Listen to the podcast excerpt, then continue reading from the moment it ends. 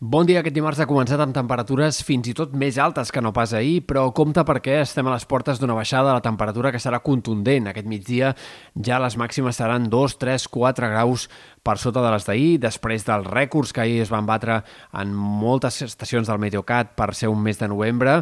i demà serà quan realment el termòmetre baixarà d'una forma contundent. Si hem estat parlant de màximes de 25 graus aquests últims dies, demà hi haurà màximes al voltant dels 10 a 11 graus en alguns sectors de la meitat oest de Catalunya, per tant la baixada contundent i de fins a 15 graus, especialment en sectors de la meitat oest. A la costa no serà tan clara aquesta davallada de la temperatura, però igualment el termòmetre recularà 4 5-6 graus respecte als últims dies, especialment a les temperatures del migdia. Tot i això serà una baixada puntual de la temperatura. Aquest fred no s'instal·larà i dijous, divendres i de cara a cap de setmana repuntarà clarament la temperatura, no tant pel que fa als migdies, que ja no seran tan càlids com aquests últims, però sí que haurem de seguir parlant de nits suaus, de nits poc fredes per ser el mes de novembre. Pel que fa a l'estat del cel, esperem canvis també en aquest sentit. Aquesta tarda arribaran pluges en moltes comarques del Pirineu, Prepirineu, Catalunya Central. De cara al vespre i nit, poc o molt aquestes pluges acabaran arribant a tot arreu, encara que en moltes comarques, sobretot de la costa, siguin més aviat minces i poc abundants.